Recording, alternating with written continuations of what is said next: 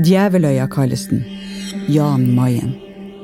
Og hver sjette måned sendes en ny liten gruppe av forsvarsfolk og meteorologer til Forsvarets stasjon her. Da har vi overtatt øyen. Vi er jo aleine. I løpet av de første tre ukene så begynte jeg å kjenne at dette, er en, dette er en familie. Jeg har hørt liksom begrepet ishavsfamilie. Men det var sånn det føltes. sant? Men en lørdag, seint i januar 2021, da treffer katastrofen denne lille ishavsfamilien. Så vi satt nå der, og så ringer plutselig broren til Bjørg, da. Og da var det som en eksplosjon oppi hodet. Hør skredet på Jan Mayen i våre historier.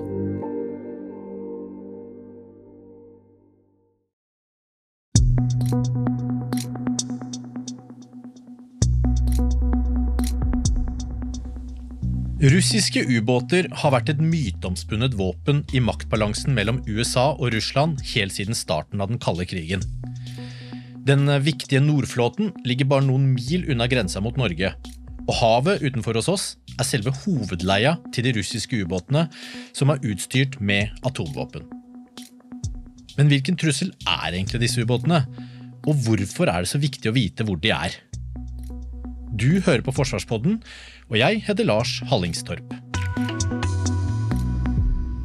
Aller først skal vi til Andøya for å bli med et av Forsvarets Orion-fly ut på patrulje. Disse flyene har som en av sine hovedoppgaver å jakte på russiske ubåter. Eh, Oberstløytnant Andreas Grindvold. Jeg jobber som eh, sjef 333-skvadronen på Andøya.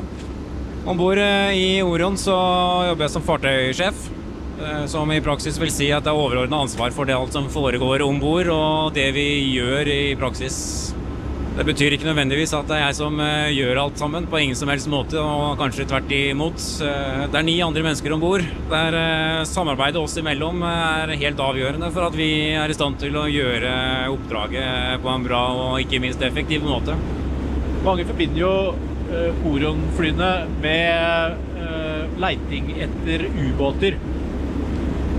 Hvordan finner man ubåter eh, ifra lufta? Det letteste er jo selvfølgelig at de er på overflaten. Det er eh, ingenting som er lettere enn det. Men eh, for å kunne finne den slags uh, under overflaten, så er vi utstyrt med lyttebøyer. Som i praksis går ut på å lytte og se etter lydsignaturer under vann. da. Hvor ofte bruker dere de, de letebøyene? Det er regelmessig. Når vi er ute og flyr, så er det eh, interesse å finne over og under vann. Men uh, slippes de ut uten at det er mistanke om at det kan være ubåt i, i farvannet? Ja, det ligger jo i vår natur å skulle finne ting vi også ikke visste var der. Uh, så Derfor så er det også rutinemessig å slippe det. Også på tokt vi ikke nødvendigvis forventer å finne noe. Si at dere har oppdaget en ubåt og lokalisert den og vet hvor den befinner seg. Hva, hva kan dere gjøre med den ubåten da? Nei, Vi kan øh, gjøre det vi kan for å følge den øh, og ikke miste kontakt med den, naturligvis. Og så er det jo god trening for oss også å sørge for å ikke miste den. Men har dere våpensystemer om bord? Vi har våpensystemer. Vi flyr ikke rundt med det i dag, men eh, vi er satt opp med torpedo- og synkeminer. Så dere kan, eh, dere, kan, eh, dere kan rett og slett gå etter en ubåt også? Ja, en tenkt situasjon. Eh, veldig lite aktuelt eh, i det hele tatt i internasjonalt farvann der vi eh, patruljerer. Her hørte vi da pilot og skvadronsjef for 333-skvadronen fortelle om hvordan de jakter på russiske ubåter. Tom Røseth, du er hovedlærer i etterretning ved Forsvarets høgskole. Hvorfor er det så viktig at vi vet hvor de russiske ubåtene er hen til enhver tid? Det er svært viktig at vi vet eh, hvor de er, for hvis vi ikke har kontroll på de i fredstid, så har vi heller ikke kontroll på de i eh, krise og krig. Så skal du lære å kjenne igjen en signatur fra en ubåt, så må du lære det i fredstid og følge det da. Og hvorfor er de russiske ubåtene så utrolig viktige? De er veldig viktige fordi eh, de har eh, store kapasiteter som får eh, store konsekvenser. Altså disse nukleære ballistiske missilene som er om bord på disse fartøyene, er en stor trussel mot Vesten. Atomubåtene på russisk side de har en viktig rolle for Russland i å avskrekke og være da eventuelt eh, også verktøy som, eh, som angriper i eh, et marerittscenario, hvis, hvis det blir en nukleær krig mellom stormaktene. På hvilken måte overvåker vi de russiske ubåtene?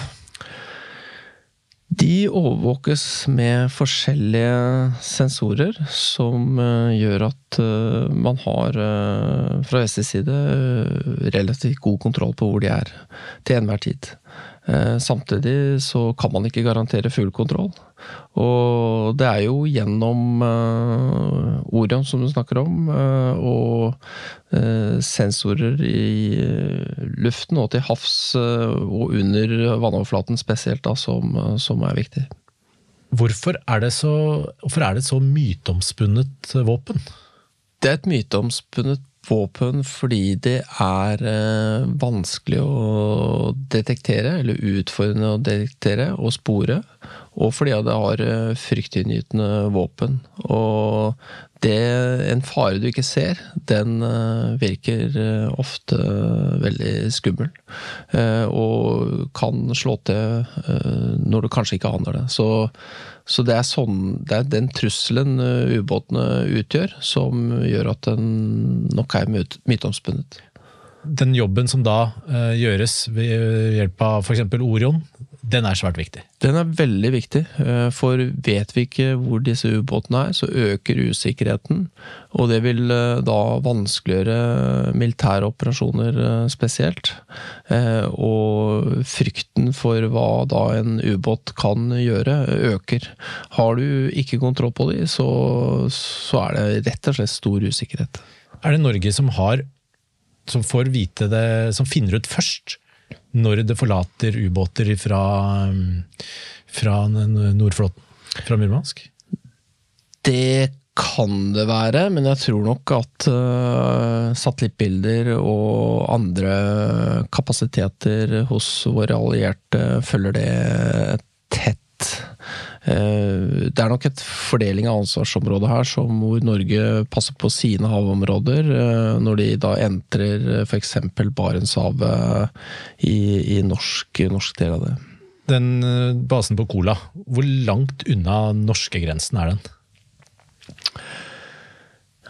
Ja, den, den er jo eh, et godt stykke unna. Eh, for den er inne ved Murmansk, så antallet kilometer er litt usikker. Men eh, det er noe, noen mil, ja. Absolutt noen mil. Hvorfor er det akkurat der de har en base?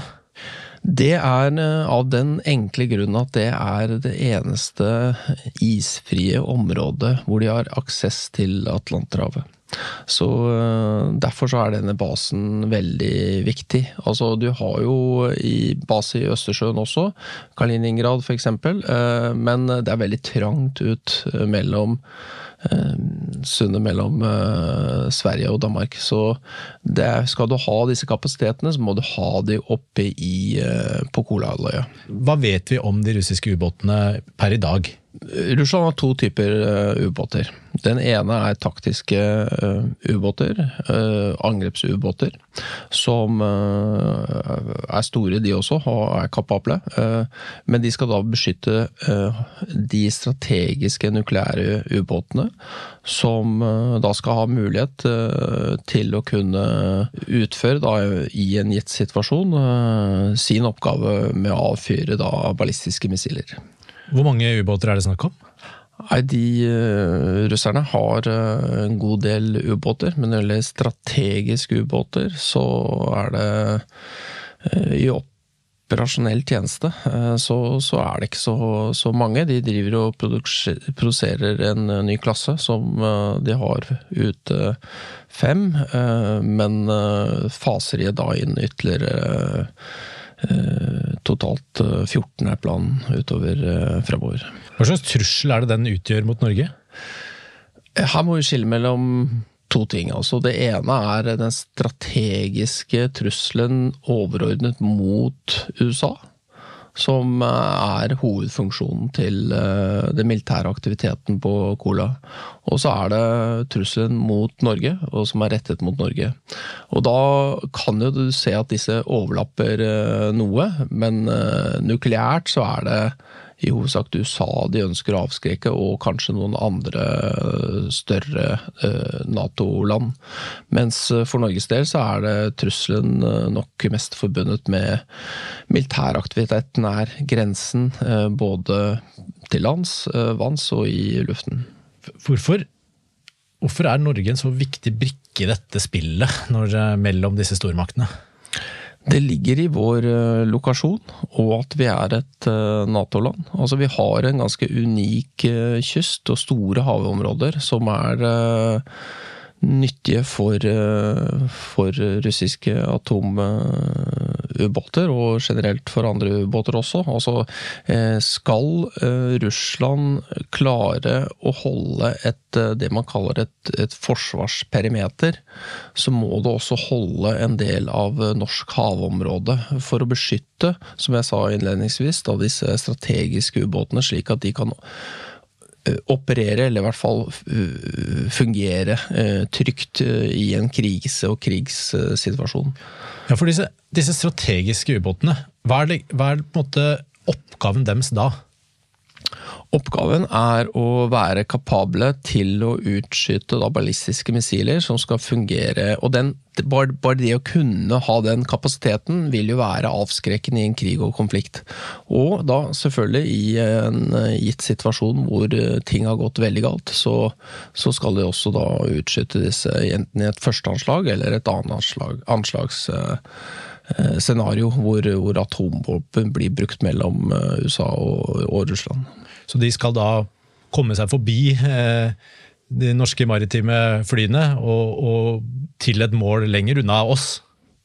Ja, missilene tenker du på? Nei, nå tenker jeg på de ubåtene. Ja. Hvor, hvor, skal de stå hen? Nei, de kan, de kan stå i norsk, eh, norsk, havområde. Absolutt. Det er der de sannsynligvis vil eh, stå, med en ytre beskyttelse av disse angrepsubåtene. Så da vil eh, de kunne operere under polisen eller i eh, Barentshavet, f.eks. For, for eh, det vil være en russisk ambisjon om å holde og trygge området både på overflaten og i, sannsynligvis også i luften og, og under vann. mellom det, det mye omtalte GIUK, altså Grønland, Island, UK-gapet, Eh, Er ubåter det vi bør frykte mest? Hvis vi er eh, Norge, så tror jeg eh, ikke det.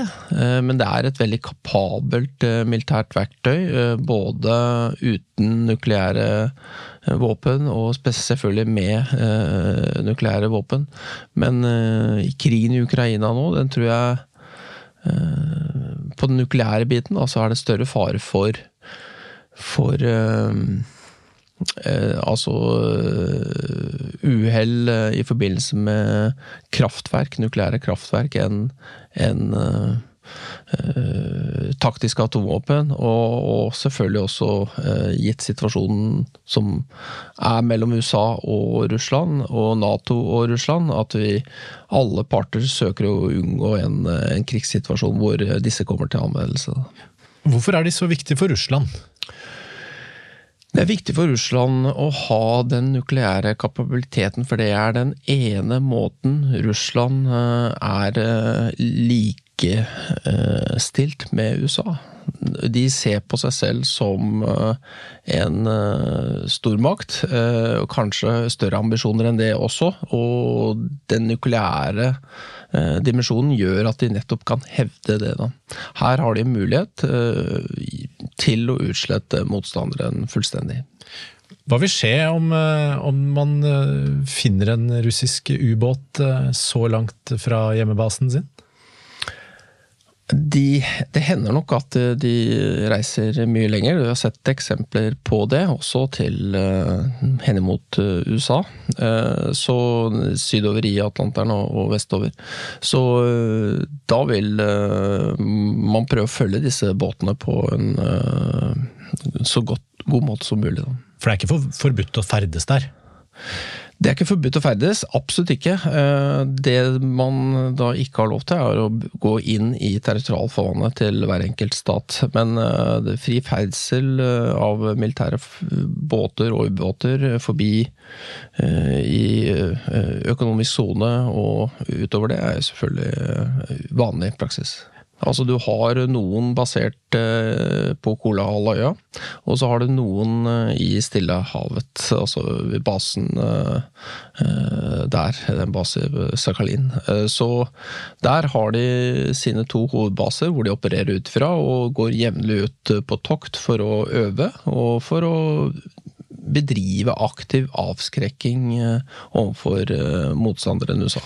Vi hørte jo han eh, piloten eh, på, på eh, Orion fortelle at de skal, er ute med vidvinkelen når de skal se etter, etter når de er ute og flyr. Um, og så leverer de jo da den informasjonen de finner, eller henter inn, til det de sier er militære og politiske beslutningstagere. Hva brukes den informasjonen til? La oss si at man finner et en, et fartøy som er et sted det ikke skal være. Og så Da blir det en varslingssak hvor dette går da til Forsvarets operative hovedkvarter eh, i Bodø. Eh, og da blir det håndtert eh, med norsk respons, f.eks. hvis det er nødvendig.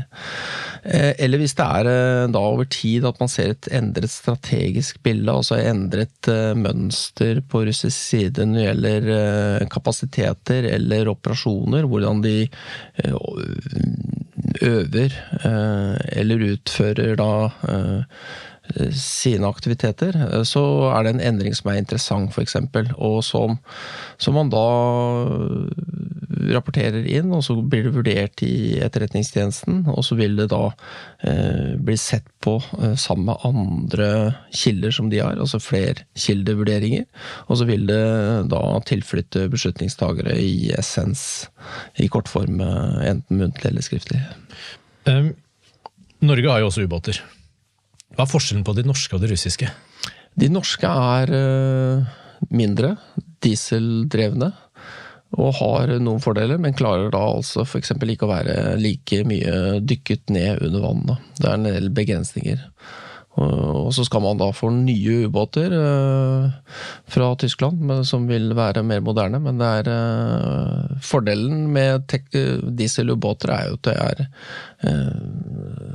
lettere å gjemme og, og kan uh, fungere er en betydelig avskrekkingskapasitet, det òg, men mer konvensjonelt, da, selvfølgelig. Det, det. Hva vet vi om hvordan russerne opererer med ubåtene sine akkurat nå? Nei, Nå er det uh, avskrekking som er uh, viktig. Uh, det er en høynet situasjonen, vil jeg si. Også beredskapen her hjemme er eh, hevet, det er én ting. Eh, og så er det det at russisk side nok eh, setter enda mer vekt på avskrekking. Også avskrekking gjennom å være uforutsigbare på en måte. Altså at de, de Eh, snakker om atomvåpen, eh, har gjort det jevnlig i denne krigen, eh, men ikke så konkret.